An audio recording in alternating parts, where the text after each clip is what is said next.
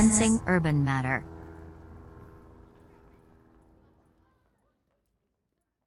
Hello, Nico.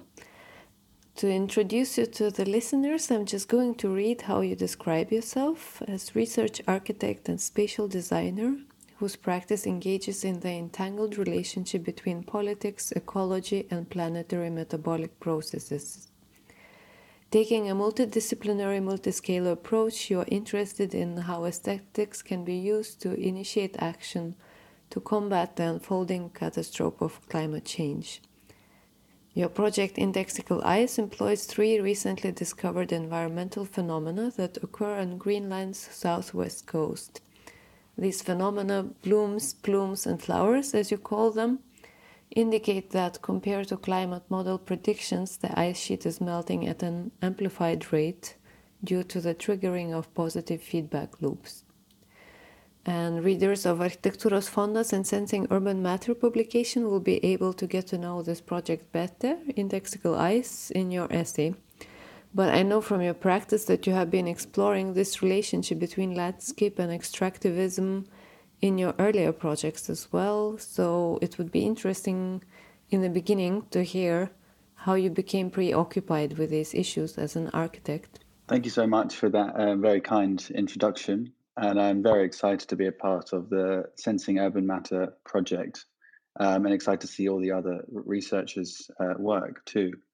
Um, so yeah, for me, uh, it sort of began uh, through my my master's degree at the Royal College of Art, where I was fortunate to study under the um, artisan spatial practitioner duo called Cooking Sections, uh, and they've recently been nominated for the Turner Prize in the UK. So they're getting some sort of like publicity around these sort of ideas, uh, and they take a multi-scalar approach um, with their with their work, uh, and they use the medium of exhibition design uh, and writing, and filmmaking um, and cooking even as a way to like relay these ideas. Uh, so with them, I worked on a project um, called Handicapping Golf, uh, and this project uh, looked at the typology of co- the coastline in um, in the UK there's an area called uh, Links, which is basically like kind of sand dunes. But uh, this particular area is where the game of golf was first invented and developed by um, Sc- Scottish people in in the 1700s, or even before. Some people think uh, it was formalized sort of in the 1700s, um, and it was played by uh, sort of the lower classes. But over over time, it sort of got adopted by the upper classes. And then this coastline was then monetized and sort of claimed by the game of golf. Um, and now it is a very sort of curated and manipulated landscape, um, which people you know, charge and pay hundreds of pounds to use for four hours.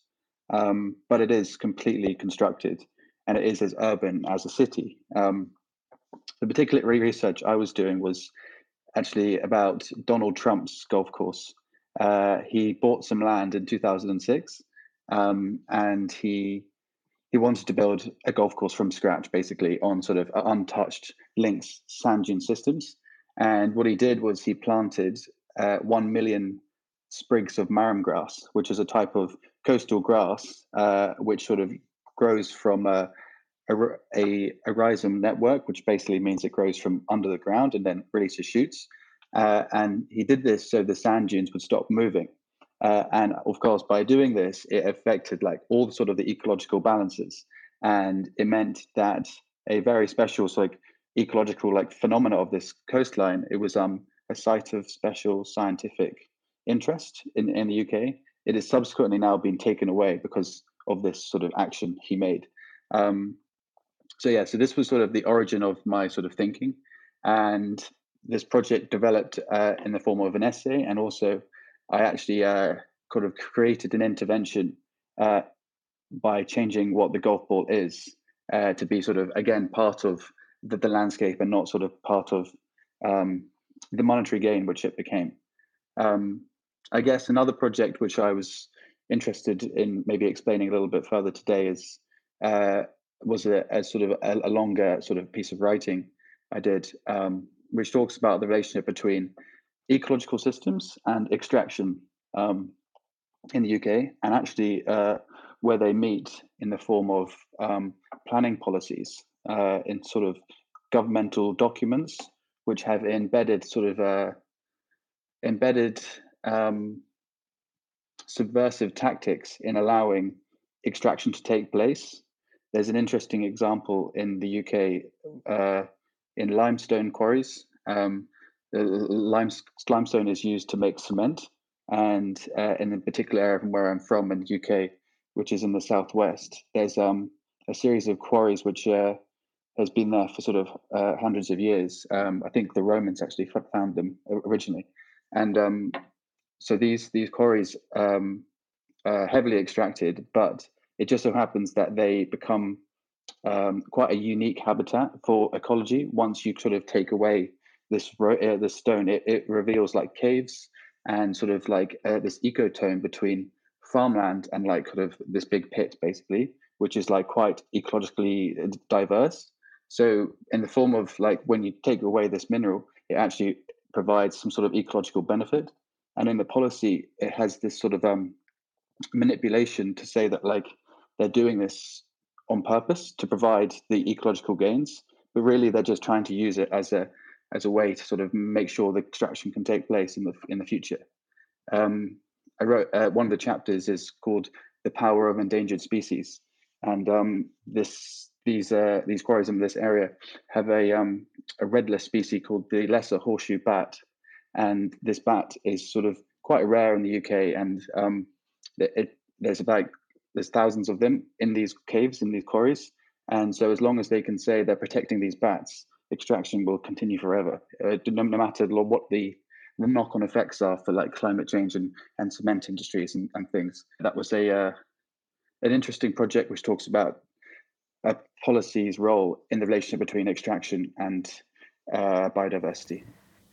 Regarding how landscape materials are being moved due to extractivism, I think what, for example, Indexical Ice, your latest project, is very interesting in sensing urban matter context is because of your very specific approach to exactly sensing material flows. Your projects, as you define yourself, seek for methodology of alternative climate aesthetics and alternative cartographies of these material flows. And here I would like to hear from you more. Why is it important for you to talk about alternative climate aesthetics and why do you find conventional models or conventional ways to engage with environmental data problematic? Yeah, um, it's a great question. Thank you very much. And yeah, it comes to the sort of the heart of uh, why I sort of try and, and do what I do and talk about what I'm sort of working on in this way. And um, I guess it came from um, just being so exposed to either um, a disaster aesthetic or in through the the media, which is one of like kind of traumatic imagery or photographs of like burning forests or or or glaciers melting. And um, i think in, in this case it puts an emphasis on on the affected uh, rather than the cause. Um, it places uh, we sort of like we look into these worlds which are sometimes disconnected from our own and we we we, we we're sad obviously but at times we can feel helpless because it's so far away uh, like kind of visually from like what we're used to. Um, and I and, and really how I try to see it is to sort of it should be placing it on on the cause. It should be trying to see ourselves as part of the problem in the way we think, uh, like let alone the way we act. Uh, and the other thing is um, uh, the scientific aesthetic, one of like graphs and sort of and models and like red lines and sort of curves. And I guess we've come very used to it in the last year and a half through the pandemic. But uh, before that, we weren't that sort of like exposed to like kind of these kind of modes of communication. Um, so I think there is again a disconnect between like the users of of the world and land and cities and the way it's represented to us through the modeled uh, data. Um, so I think the, these are the two starting points which I sort of aim to challenge in um, sort of creating methodology for an alternative climate aesthetic. Um, I mean, I recently read a book called Ministry of the Future by Kim Stanley Robinson, and um, he talks about how there's 19 companies who are responsible for the Anthropocene. And within these 19 companies, there's roughly 500 individuals or executives um, who are in charge of making the decisions of those 19 companies. So it just shows like the huge disconnect between like the traumatic images which we see and these kind of like huge players which are almost to blame, um, who are profiting from the damages basically. Um, and in regard to um, data of nature, um, I think we often we what we obviously need to sort of understand and model our surroundings. But at times the more we model the more we can extract from it. So like when we now see a forest we see how much kind of um, how much uh, it provides for a carbon sink. Or if we see a, like a tall tree we think about sustainable construction. Um, so it's because it's like when these become a data points it then becomes again a disconnect between like uh, like the holistic role of like the climate and ecologies. And I think we're still trapped in this sort of idea of sort of gaining from things and like kind of quantifying our surroundings. This brings the question of like techno solutionism. And what we need to remember is that like the problems which I refer to in my work are simultaneously like ecological, cultural, economic, and political. Uh, and sometimes when we use these technological tools or modeling, we just pr- pr- produce like a quick fix, uh, and it's more looking at like like the whole sort of spectrum of like uh, I, I, suppose this the different kind of scales, not spatial scales, but sort of like scales of like our, our social relationships, scales of like economic gains, and scales of like ecological sort of uh, degradation, which is um which uh, this brings to brings up. And what are the challenges to work in this way? It is also interesting in your practice that you have this kind of different range, whereas you can locally collect environmental data or data is already mediated and collected remotely. Yeah, this is this is super super interesting as well, and it's not something I've done to a huge extent in terms of like on the ground sensing, and I've got some ongoing sort of projects which aim to sort of build types of sensors with actually a, a, good friend of mine, Rosa Whiteley. We are talking about these devices or apparatus which sort of could be implemented to sort of like change the perspective of a damaged grounds from being something which sort of uh, sort of how to live with the damaged ground, uh, and we only know how to live with it if we know it's there and if we can monitor it and we can sort of attempt to to um, remediate it to some extent. But of course, it's a challenge, and I guess part of my work is trying to um, come up with a new set of indexes, uh, which which is why I guess the project Indexical Ice is called that. It's because uh, where when you create an index, you create a new way of seeing seeing the world. Uh, it's a new sort of like spectrum of possibilities, a new worldview through indexical design, we can start to do this in a, in a in a theoretical sense, and then again in a sort of practical sense. In your project Indexical Ice, you also use this very interesting term geoglyph, and then you talk about autographic visualization. Is that part of the same work with indexing? How these phenomena can reveal themselves, how we can attune our eyes to see their own self representation again talking about alternative and to conventional forms of visualization. Lukáš Likavčan, he's a theorist uh, uh, who sort of I um, I'm friends with, and he, and he talks about geoglyphs as like um, a planetary diagram to see the marks on a landscape on a huge scale to, to represent a changing climate. Geoglyph traditionally is a large scale art form. And the, one of the most uh, well known is the, the Nazca lines in Peru, which is like a motif which spans 80, 80 kilometers and it sort of um, marks in the landscape which re- represents hummingbirds and spiders and sort of uh, animals which are a, a, a, a, symbolic to those people. But in this sense it's it's a, representation of, of climate change itself in the form of a landscape image. And he talks about planetary diagrams as a, a, um, a representation which goes far beyond the image itself. It's more of an explanation of a process. So it's not like a capturing a moment of time, but it's more trying to extend um, image to like the whole the whole sort of spectrum of cause and effect again.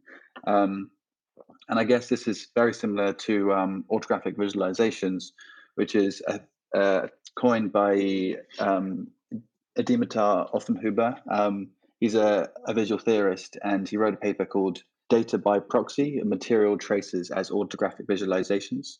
And he, um, it's about the user or the or the experience, the experience of the phenomena being in charge of how it's represented, basically. Uh, which is sort of again coming back to the term index. It's it's changing the way we sort of index our, our surroundings. Uh, so it shifts the emphasis from like abstracted models, which we see in science, to one of sensory perceptions of an individual. Uh, so in this sense, the observer participates um, and has to tune oneself into the phenomena um, in question. So we have to sort of be able to like experience it from our point of view. I guess it, then it, it it sort of the point to this is the participant becomes central to the um, to the change rather than in the way we perceive media now, which we just have to sort of consume it. We're not there um, being being the makers of um, of the media, um, all, and we're not there to sort of really experience the phenomena itself. So indexes provide us like the tools to to really do this, I guess, in any way, shape, or form. An index can be uh, like anything; it just has to have a scale of like uh, effect, I guess. Uh, it's not necessarily a technical technical um, apparatus, but it's sort of how we sort of uh, how we monitor our experience against something else. That's maybe a good segue into next question that I had, because you talk also a lot about alternative knowledge production, and I, as I understand, this can operate also in very different fields. Uh, one thing is to push the boundaries and to enrich the arsenal of tools for professionals uh, somebody like you, architects or planners or politicians. And then there is this aspect of citizen science as well, combining to what you just talked about the indexes and attuning ourselves. Uh, how do you see these two strands in relation to each other? Professionals and communities, for example, of non experts. Uh, your project Museum of Open Windows encouraged participants to collect their own environmental data. Uh, so, in a way, who gets to observe these phenomena and what are the implications of that? This was exactly sort of uh, an attempt to carry out a new set of indexing of one's surroundings through a recording of an experience. So, this project, uh, Museum of Open Windows, is sort of it is based on a very similar sort of um, theoretical framing to like Indexical Ice project, and it's it's using autographic visualizations and uh, bioindicators as like the index in which we can like see and cha- uh, and monitor our, our, our local context. It's on at the moment at uh, Glasgow Science Museum in the context of COP26. Uh, it's sort of in and adjacent to where the conference is taking place. But the exhibition itself is much more about changing how we consider museums to be places of um, historically uh, where we gather artifacts and, and place them in this sort of special place. And, and it's now uh, putting a, a spin on that. And the museum can be our own surroundings. Uh, and if our, if our surroundings are are, uh, are changing and we're monitoring how it changes, those surroundings um, then become the museum. So I and a group of architects uh, developed an audio guide, a podcast, which um, people aged sort of eight plus would, would be able to listen to. And it's not specific to a location, so, so anyone can like carry out this sort of audio guide podcast. And it takes you from your your own house to like your front door and the context of your house to an open green space to like a wooded area. And this context it can be like very familiar to you and, and actually it sh- should be quite a, a, familiar context to you.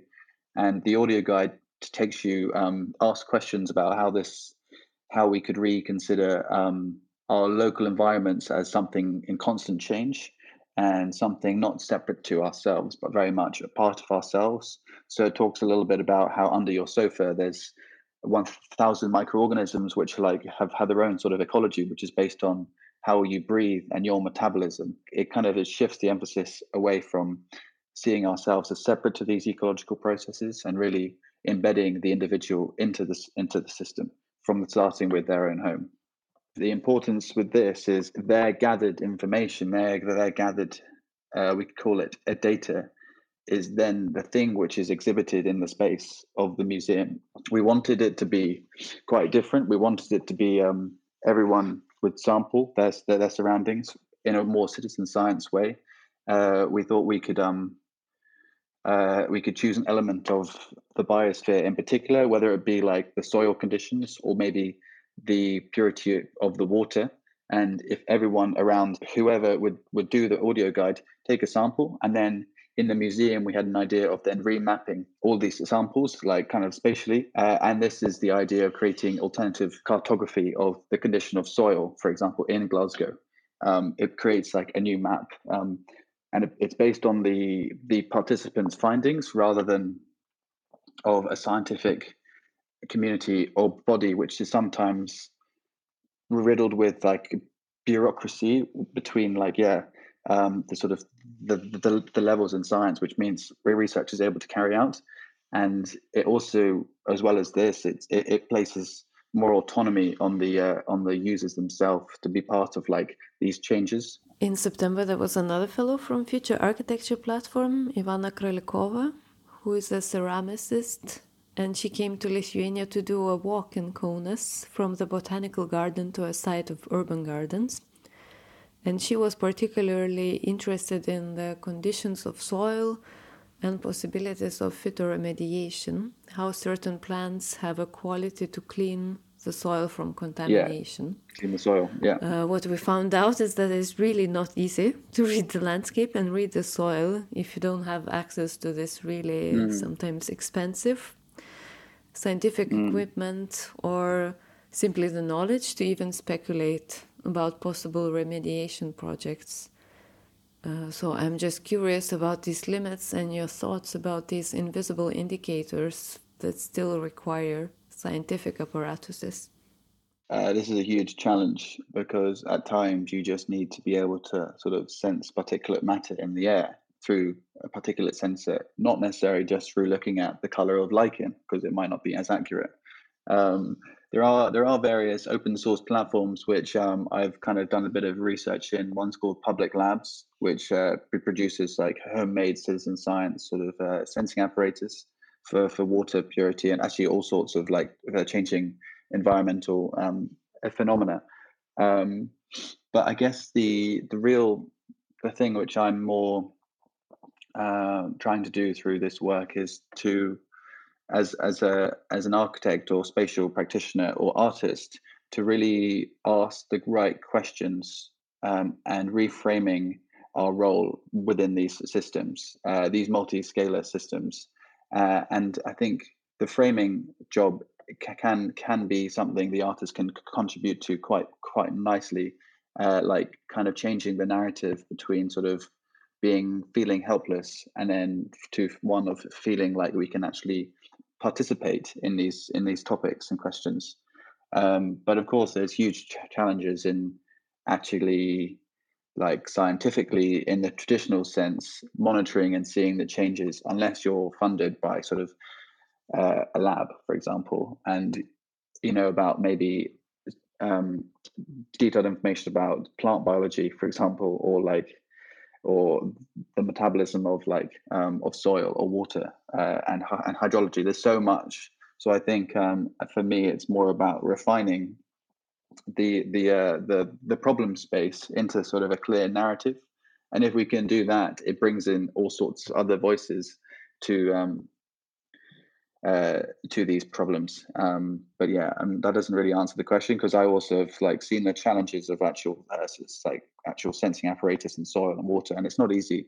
But it's more about sort of making make facilitating uh, conversations um, uh, around these topics. I saw that also in your older project, Handicapping Golf, you collected documents produced by the bureaucratic apparatus around that uh, we also maybe forget how these processes are governed, and maybe one of the main sides of intervention is through engagement with bureaucracy directly. Uh, what are your thoughts about that, and perhaps how has it developed throughout your different projects? I guess uh, Indexical Ice is is more of a maybe an example of the types of the type of framework uh, which I like to work in, kind of seeing um, like material changes as sort of part of uh, political systems and like into into scalar sort of issues. Um, in the case of the Arctic project and and and Greenland's ice, it was to do with like the um, the new sort of shipping lanes which are being sort of um, opening up in the Arctic because of um, the ice is melting on, on the sea. Uh, and these new sh- shipping lanes are meaning that there's more black carbon pollution on on the ice sheet, uh, and the the black carbon pollution on the ice sheet leads to an algae which grows on the ice sheet, which is like a pink red algae, and this this algae eats the black carbon pollution, um, and it's its main source of like of of um, of of nutrients. And of course, that sounds like it's a good thing, but this, the algae is 11 times more solar absorbing than the black carbon pollution because it's sort of got a um, like a, a sun cream sort of film on it, which means that like 11 times less light is reflected off the ice sheet, um, which means that like a positive feedback loop is triggered by the occurrence of these new shipping lanes. So there's like a few series of knock-on event uh, cases, and that comes back to like a governance problem uh, with like the like us understanding that like the action of, of one thing will cause a f- positive feedback loop of another thing. So this project, uh, like in, in, a larger sense, is happening. I've just um, started a PhD at the Royal College of Art, uh, carrying on this research, and I guess I'm asking questions between um, like investigating the biochemical scientific fields and like the new sort of findings which are happening in the scientific world, uh, as well as um, how the political spheres are sort of adapting to this. So, uh, sort of like I'm going to be looking at COP26 quite closely and seeing like the types of conversations which are being had around um, these topics in, in particular, but also in terms of the types of like framing and, and wording of uh, of the change which needs to happen. And I guess um, its aim is not to advocate like one methodology for climate action, and public awareness, uh, to not focus on top down or bottom up changes, but more to understand what forms of media can can um, uh, can take to induce very specific responses from an audience. So I think we I use the word media in a very sort of general term to be like a book or maybe a piece of music, but also like how can a piece of landscape become a form of media?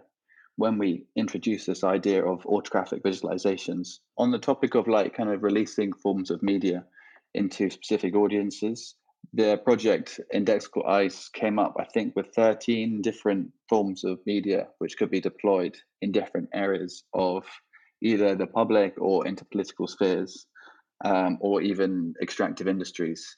So the um, the Cryosphere Pavilion was just one of the ideas, um, and it was talking about how um, how ice or the cryosphere could be represented at COP through not using like ice at all by using practices close to ice, whether it be like scientific sort of investigations around around uh, these uh, areas in Greenland, or actually um, how we can represent ice through extraction happening right next to it or on top of it, which is also happening in Greenland.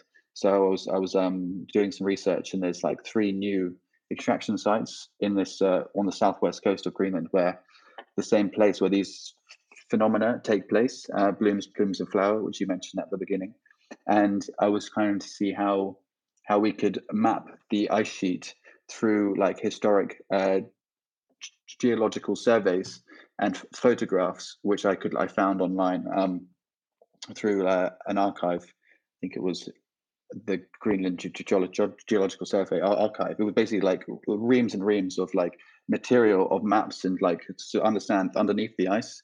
But of course, underneath they have to sort of at times wait till the ice goes, and the ice is going very fast. So the more the ice goes, the more extraction will probably take place um, in this landscape. It just it just shows the extent of surveying which has already taken place.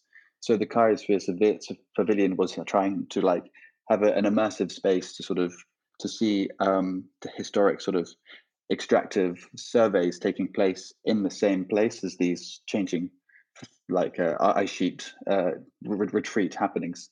Um, but uh, yeah, this was a speculative approach. I mean, there was a, there was a few others.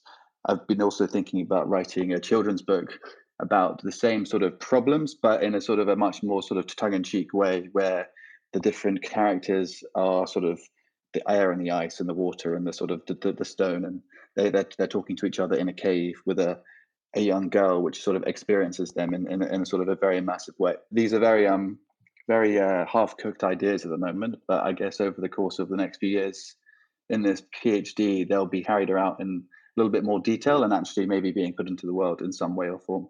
Um, my question is always, why am I doing this? And I think that should always be the case for um, this kind of of research. Always questioning yourselves, asking really tough questions, and um, probably not being able to answer them. Um, but yeah, that's the that's the that's the question I ask. The thing I'm working on currently is it's like a conference for this PhD uh, research with between the RCA, the Royal College of Art, and Goldsmiths and the task is everyone writes um, about a microhistory in relation to their their research, and by microhistory history, they mean a date and time, uh, very specific date and time.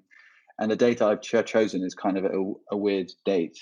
Um, it is the uh, it's 44 years ago, one month, 15 days. I, I, I wrote it um, yesterday, and it's when NASA uh, released Voyager 1 uh, into space. And Voyager 1 is an unmanned mission which is still is still going and it's the furthest any any um, thing from human civilization has gone from planet earth. And on board uh, voyager 1 is um, something called the golden record. I'm not sure if you've heard of it you've heard of it.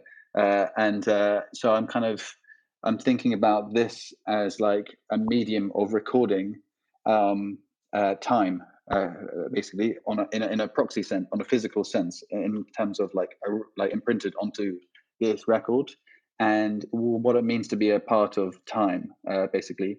As the Voyager one is now, it's gone through the um, I think it's called the heliosphere, which is basically means it's not um, it's not amongst uh, the magnetic field of the sun, uh, and obviously our time is based around the sun and because we're not in an equilibrium with the sun we have these like obviously kind of a, a, the rhythm of night and day which means it gives us some structure around time.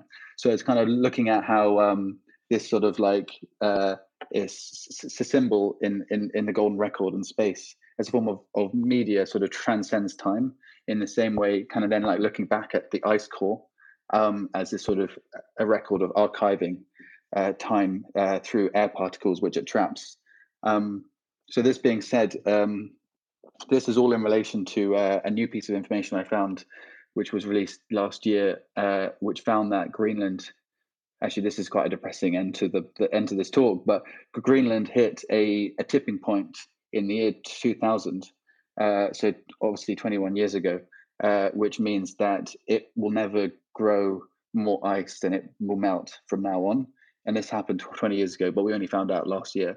So I think um, all this being said, it's about sort of like kind of uh, kind of reframing the narrative uh, of of uh, of these projects, and um, I don't really know where this pro- this this particular research will end up, but I think uh, the sort of interesting thing is about how um, how we sort of need to sort of separate ourselves through traditional forms of time, maybe as time is something which we are used to from like productivity and the industrial revolution.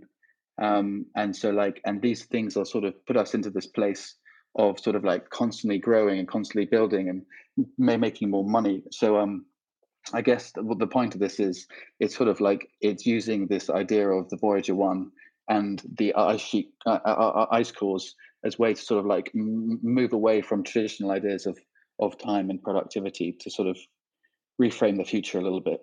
Temporal degrowth. Uh, that's a nice manifesto to end the conversation with. Uh, thank you so much, Nico.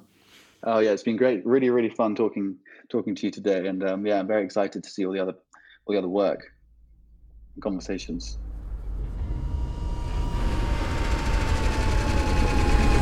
Sensing urban matter.